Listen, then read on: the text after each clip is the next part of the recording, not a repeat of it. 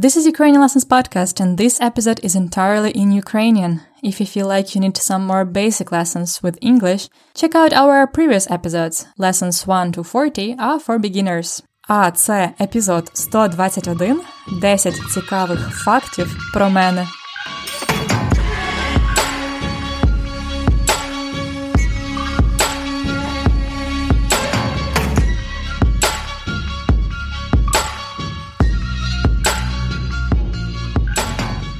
Добрий день! Це Анна, і ви слухаєте Ukrainian Lessons Podcast, подкаст Уроки української. Це четвертий сезон. Ура, ура! Я дуже скучила за подкастом і просто не змогла втриматися, щоб не записати вам новенький епізод. Отже, офіційно оголошую початок четвертого сезону.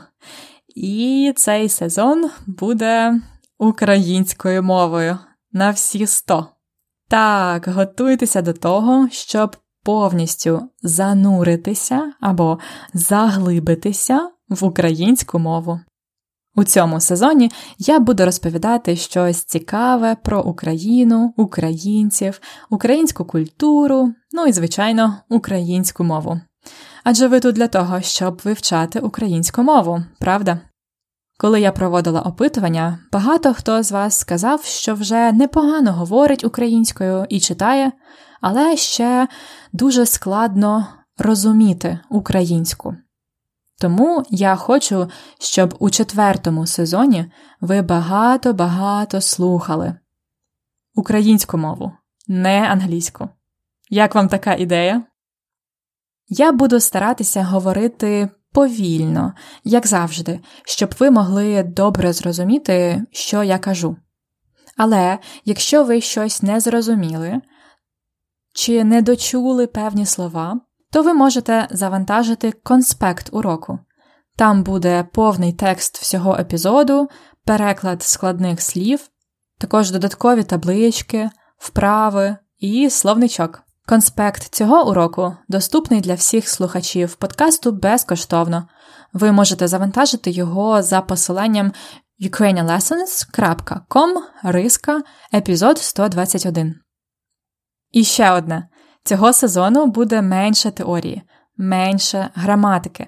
Але я розумію, що у вас можуть бути питання про якісь теми, наприклад, з граматики чи про якісь слова, про якісь фрази, вам потрібні, можливо, якісь поради. Тому у цьому сезоні я хочу, щоб була у нас особлива рубрика питання від слухачів. Щоб поставити питання, вам потрібно буде його записати на диктофон. Розкажіть трошки про себе, про те, хто ви, звідки, як довго ви вивчаєте українську мову, і поставте мені своє питання а я дам на нього відповідь. І усім, хто надішле мені таке питання, якщо ви надішлете мені записане питання, я вам надішлю подаруночок з України, листівку. А сьогодні ми поговоримо про, про мене. Оскільки це перший епізод нового сезону, я б хотіла, щоб ми з вами ближче познайомились. Я розповім вам 10 цікавих фактів про мене. А після цього я поясню вам якісь фрази, ідіоми, фразологізми, які я вживала, коли розповідала свою історію. Також сьогодні буде нова рубрика Цікавинка з граматики. Більше не буде рубрики Культурний факт, тому що ми і так будемо багато говорити про культуру. То як, готові починати новий урок української четвертого сезону? 10 цікавих фактів про моє життя. Перший факт. Я народилась у Радянському Союзі. Так, так, офіційно країна мого народження СРСР або Союз Радянських Соціалістичних Республік СРСР. Зараз я якраз тут в полонному у своїх батьків, де я народилась, і у своїх документах я знайшла своє свідоцтво про народження. Воно досить раритетне, тобто у стилі ретро. Там навіть все написано чомусь російською мовою. Навіть не знаю чому. Це ж була Українська Республіка. До речі, це свідоцтво ви можете побачити на сторінці цього епізоду на сайті ukrainianlessons.com риска епізод 121. Там ви можете знайти фотографію мого свідоцтва про народження з СРСР. Другий факт буде теж про початок мого життя. В Україні у християнських сім'ях заведено хрестити дітей у церкві досить скоро після народження. Людина, яку похрестили у церкві, водою це такий особливий обряд, це християнин. Тобто хрестити це робити так, щоб людина стала християнином. Складно пояснювати без англійської. Але якщо ви не зрозуміли, у конспекті уроку є переклад важких слів. Добре? Так от, мене хрестили в церкві 24 серпня 1991 року. Знаєте, який це був день? 24 серпня 1991 року. Тоді Україна стала незалежною. Це День Незалежності України. Я думаю, мої батьки в той день були дуже зайняті і не через незалежність. Третій факт. У школі я була відмінницею. Відмінник або відмінниця це учень або учениця, які наприкінці року отримують тільки дуже високі оцінки. Тобто, це в Україні це 10, 11, 12, це як в Америці А мінус 10, А це 11 і А плюс це 12. Це високі оцінки. Я була відмінницею всі 11 років в школі, тобто я отримувала дуже високі оцінки. І наприкінці школи, коли я закінчувала 11 клас, я отримала золоту медаль. Золота медаль це ще один елемент української і пострадянської освіти. Коли учень школи після 11 класу має тільки дуже високі оцінки, він чи вона отримує золоту медаль. Це така медаль, вона позолочена. Може бути також срібна медаль, коли оцінки трошки нижчі. Срібна медаль. Ну, а я отримала золоту медаль. Але мені здається, що хороші оцінки це не тільки позитивно тому що у мене розвинувся такий собі синдром відмінниці. Я люблю, щоб мене хвалили, і хочу отримувати тільки високі оцінки завжди. Синдром відмінниці. До речі, ви можете залишити мені теж високу оцінку. Там, де ви слухаєте цей подкаст, в, у програмі подкастів чи на сайті, дайте мені золоту медаль тобто 5 зірок. Четвертий факт про те, як я вступала в університет після школи. Я дуже добре склала іспити і вступила на спеціальність правознавство. Тобто, це юридичний факультет. Це такий факультет, де навчають бути юристом, адвокатом, так, працювати в суді. Я вирішила, що це дуже престижно правознавство. Можна заробляти багато грошей, якщо ти юрист, і подала документи на правознавство. Тобто офіційно я сказала, що буду вчитися на юридичному факультеті і подала документи. Але через кілька годин того самого дня я передумала. Я вирішила, що це не моє, що моє це мови, література, тексти. І я забрала ті документи з правознавства і занесла їх на філологію. Філологія це мови і література. Тому я вчилася на філології. Можна сказати, що я пішла за покликом серця, і я думаю, що зробила правильний вибір. П'ятий факт: я вчилася у найстаршому університеті України. Я вже трошки вам розповідала про цей університет, і це був, пам'ятаю, епізод 88, а також у третьому сезоні. Юрко, хлопець Христини, він навчався в моєму університеті, пам'ятаєте? Це Києво-Могилянська академія. Я дуже люблю розповідати про свій університет, тому що я його дуже люблю. Києво-Могилянська академія була відкрита як школа спочатку у 1615 році, дуже давно. Тобто йому вже більш ніж 400 років, і це найстарший університет в Україні. Шостий факт про подорожі. Я дуже багато подорожувала останнім часом, але так було не завжди. За кілька років ми з моїм хлопцем, можна сказати, об'їздили пів світу. Ми були і в п'яти країнах Південної Америки, і в чотирьох країнах Азії, і навіть в Новій Зеландії.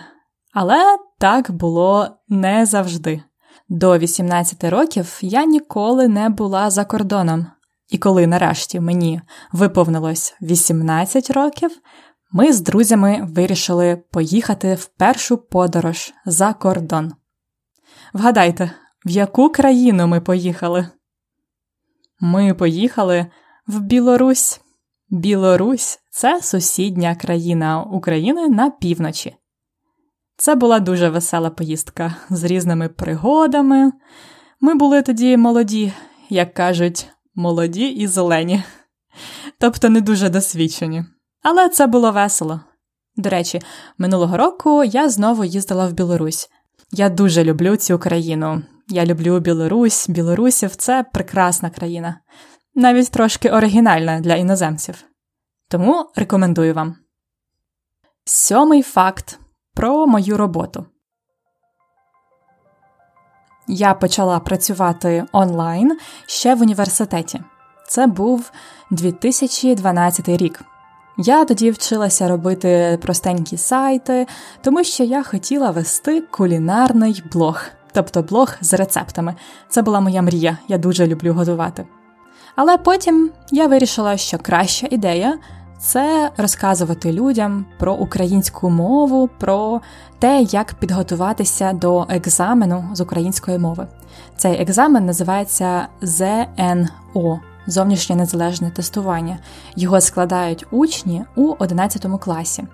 Тому я створила такий проєкт, який зараз називається На всі 200. Ви можете подивитися більше про цей сайт на всі 200, тобто на всі 200.com.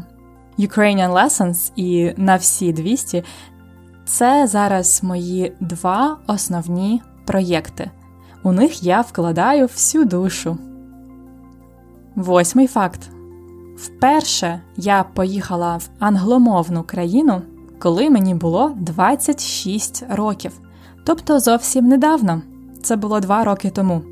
Я тоді поїхала в США. Можливо, ви вже чули про це, якщо слухали мій подкаст, тому що я записувала весь другий сезон прямо з Америки, з Філадельфії. Я їздила туди за програмою Фулбрайта на один рік і там я мала можливість викладати українську мову і вчитися у Пенсильванському університеті. Це був фантастичний досвід. Мені дуже сподобалося. Я щиро вдячна програмі імені Фулбрайта за цю можливість. Це було справді круто. Дев'ятий цікавий факт. І це зовсім не факт, це більше подія, яка сталася нещодавно. Я просто не можу втриматися, щоб вам не розповісти. Так от, кілька тижнів тому я їздила в Кембриджський університет. Це у Великобританії. Мене запросили на співбесіду. Там була вакансія викладача української мови.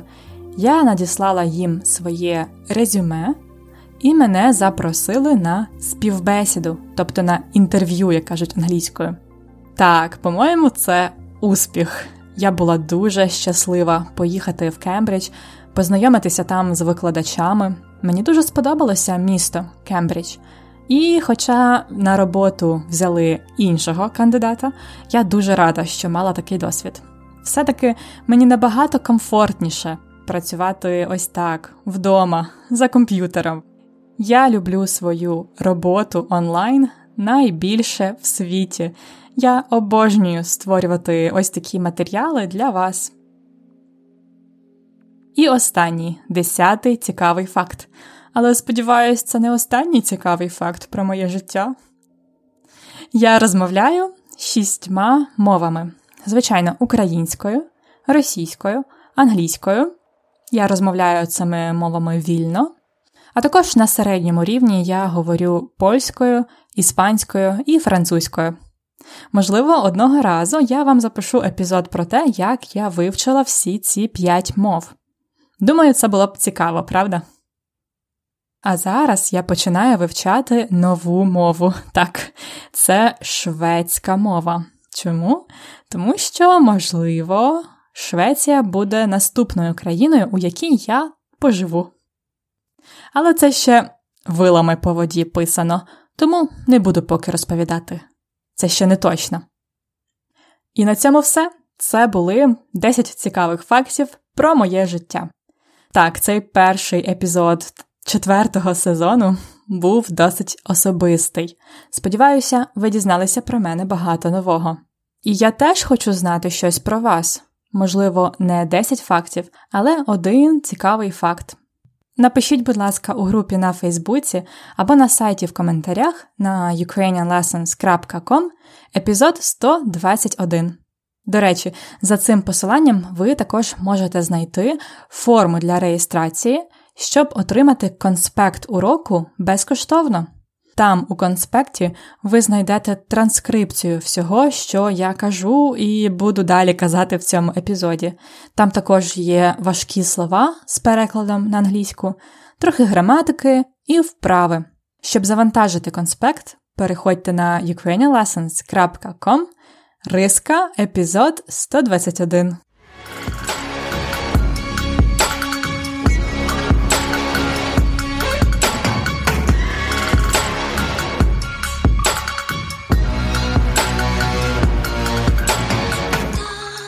Отже, після того, як я розповідаю вам мою історію, я слухаю її ще раз.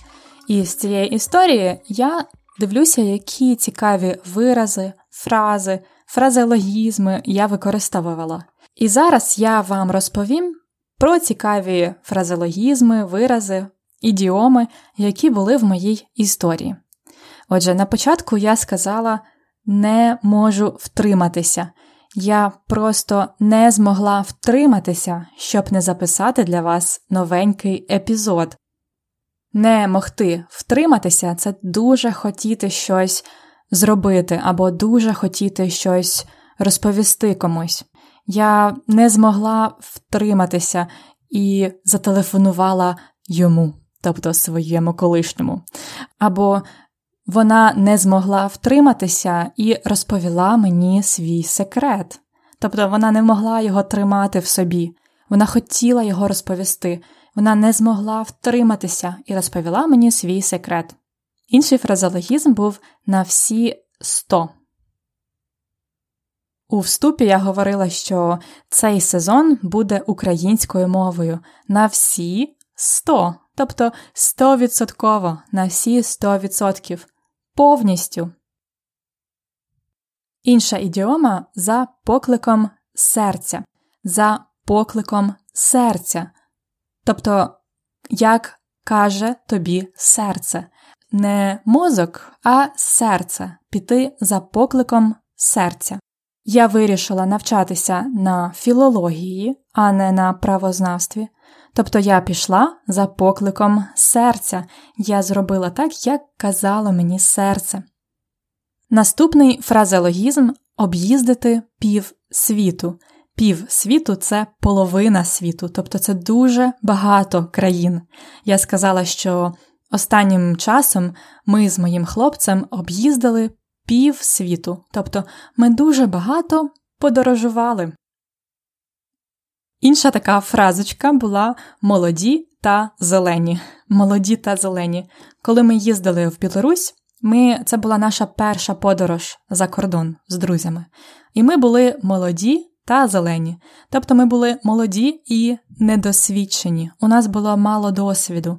Це був, була наша перша подорож, і ми, чесно кажучи, пам'ятаю, зробили дуже багато різних помилок, тому що ми були ще зелені, недосвідчені. Ми були молоді та зелені. Наступний фразеологізм вкладати душу. Можливо, ви пам'ятаєте, з третього сезону у нас він вже там був. Я говорила про те, що я вкладаю душу зараз у два мої проєкти: це Ukrainian Lessons і на всі 200. Це мої особисті проєкти. Я їх дуже люблю, і я роблю все для того, щоб розвивати їх. Тобто я вкладаю у них своє серце або душу, як ми кажемо українською, частіше ми вживаємо саме слово душа, а не серце. Я вкладаю свою душу у ці проєкти. Так само, як я вкладаю свою душу у цей подкаст. І далі я сказала про те, що я найбільше в світі люблю працювати онлайн. Найбільше в світі це означає найбільше за все. Це моя улюблена справа. Я найбільше в світі люблю працювати онлайн. Це мій улюблений тип роботи. Я люблю це, цю роботу найбільше в світі. І останній був такий справжній фразеологізм, я сказала вилами по воді писано. Це ще вилами по воді писано. Цей фразеологізм означає, що якщо ми по воді проведемо вилами, тобто проведемо чимось по воді, то сліди які на воді, швидко зникають. Це ще щось неточне, непевне, це ще щось дуже тимчасове. Тобто, можливо, це буде, а можливо, не буде. Це ще не точно. Це вилами по воді писано.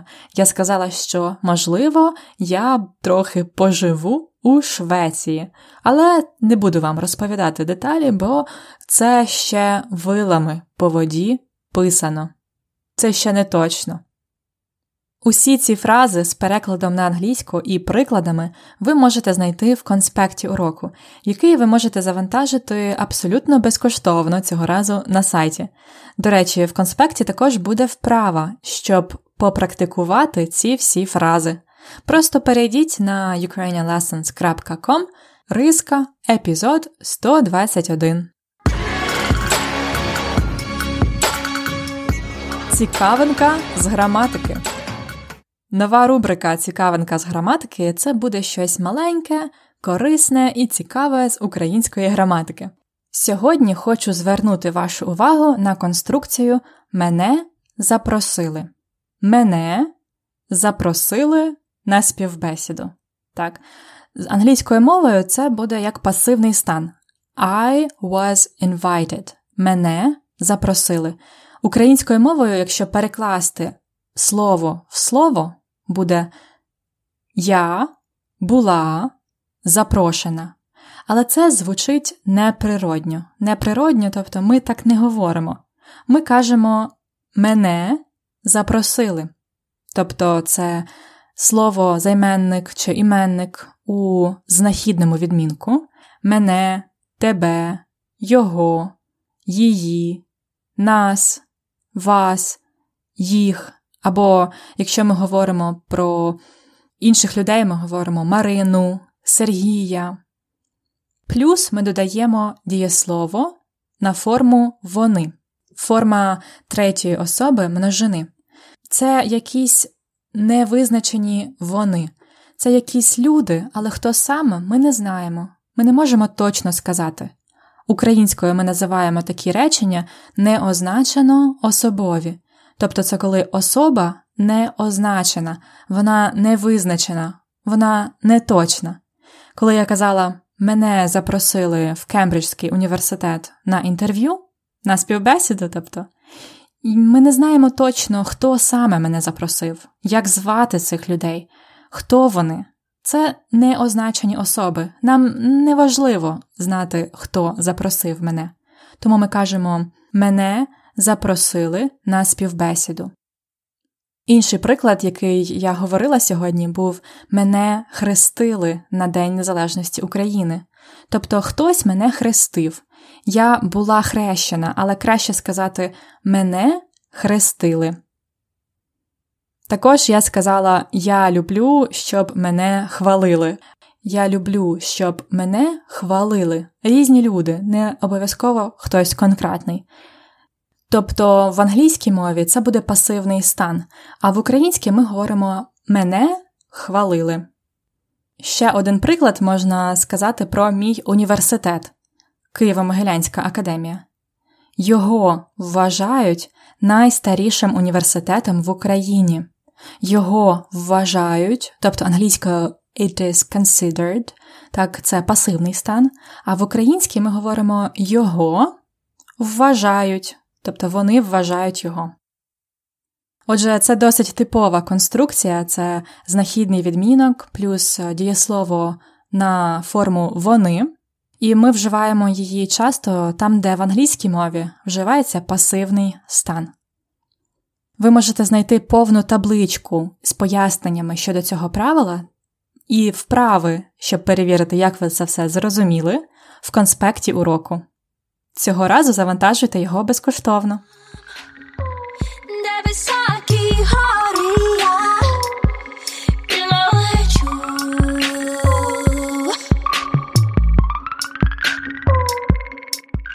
У четвертому сезоні ви будете часто чути цю пісню. Вона називається Зеніт. Її виконує український гурт Онука. Це сучасна електронна музика з використанням українських мотивів і традиційних інструментів. Мені дуже подобається. А вам? Ви можете знайти посилання на цю та інші пісні онуки на сторінці епізоду.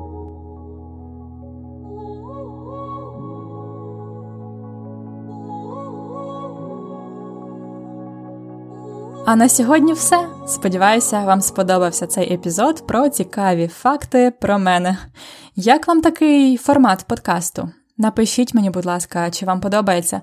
Мені дуже б хотілося дізнатися, щоб покращувати для вас четвертий сезон. Не забувайте, що ви можете завантажити конспект цього уроку безкоштовно. Просто зайдіть на ukrainianlessons.com риска епізод 121. У конспекті ви можете побачити повний текст цього епізоду українською мовою, тому ви можете подивитися, які слова ви не знаєте, які вам потрібно підкреслити, знайти в словнику. Деякі слова, складні слова, там будуть уже для вас перекладені на англійську мову. Також в конспекті ви знайдете таблицю з граматики про паси, про ці конструкції, які я вам пояснювала, а також там будуть вправи, щоб ви змогли е, попрактикувати ідіоми, фрази, які ми вивчили сьогодні, і граматику. Тому обов'язково завантажуйте конспект і заходьте слухати цей подкаст наступного тижня. Він буде знову на всі 100 українською. Гарного вам дня, до побачення!